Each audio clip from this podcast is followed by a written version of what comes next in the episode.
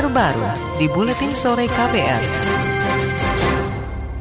Saudara sejumlah pihak mempertanyakan komitmen Presiden Jokowi terkait energi bersih dan terbarukan. Salah satunya adalah organisasi pencinta lingkungan Greenpeace Indonesia. Menurut juru kampanye iklim dan energi Greenpeace Indonesia, Tata Mustasya, komitmen Jokowi soal energi bersih dan terbarukan hanya pencitraan. Dia menilai belum ada kerja yang nyata dari pemerintah untuk melakukan transisi dari energi fosil menjadi energi bersih dan terbarukan. Ketika kita bicara angka kan kita membandingkan dengan negara lain dan negara lain jauh lebih progresif daripada daripada Indonesia. Periode kedua pemerintahan Jokowi ini sebagai remedial test ya, sebuah tes ulang. Kita kita lihat apakah pemerintahan Jokowi ini mampu melakukan transisi energi dari PLTU batubara kalau kita bicara sektor kelistrikan atau sektor energi ke energi bersih dan terbarukan Juru kampanye Greenpeace Tata Mustasya menambahkan pada periode pertama, Jokowi juga mengingkari target pengurangan 300 jutaan ton batu bara pada RPJMN 2015-2019. Padahal Indonesia memiliki energi bersih terbarukan melimpah, yakni energi surya dan angin. Dia menagih Jokowi agar lebih ambisius mengatasi ancaman pemanasan global. Targetnya adalah pengurangan emisi seperti tertuang dalam perjanjian Paris tahun 2015. Kementerian Energi dan Sumber Daya Mineral Kemen SDM mengakui sulit untuk beralih ke energi bersih dan terbarukan. Menteri Energi dan Sumber Daya Mineral Arifin Tasrif menyebut tren konsumsi energi fosil masih akan tinggi untuk lima tahun periode kedua pemerintahan Presiden Joko Widodo. Menurutnya, komposisi pembangkit listrik batubara dan gas alam masih akan mendominasi dibanding pembangkit listrik energi terbarukan atau EBT. Namun, ia meyakini penggunaan listrik ramah lingkungan di Indonesia bisa mencapai 35% persen di masa datang dibanding saat ini hanya sekitar 23%. persen. Mix nanti kan, kita akan mix nanti. Ya, Proporsinya gimana Pak? Gas, kemudian ya, ya fosil, kemudian ya terbarukan, ya renewable. Tapi fosil sulit untuk ditinggalkan ya Pak? Ya susah, gas alam aja juga nanti akan diperkirakan akan meningkat karena batu bara ditekan.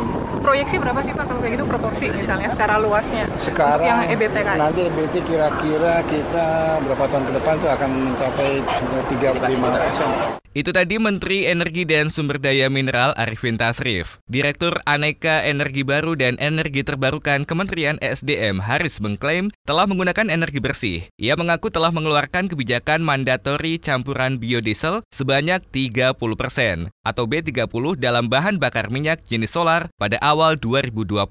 Untuk jangka panjang, yakni menggunakan green diesel menggantikan solar. Haris mengakui saat ini masih ada sejumlah program yang mengarah pada energi kotor seperti PLTU batubara. Haris berdalih PLTU merupakan tindak lanjut dari program penyediaan listrik 35.000 MW yang direncanakan 2015 silam. Saudara Menteri Energi Sumber Daya Mineral ESDM periode 2015-2019 Ignatius Jonan membenarkan bahwa menciptakan harga kompetitif dari energi terbarukan menjadi tantangan bagi ESDM ke depan. Jonan mengklaim sebagian masyarakat sudah sadar akan energi lebih bersih dan udara lebih bersih. Karena itu, dia mengajak agar semua pihak memanfaatkan energi bersih yang melimpah dan murah.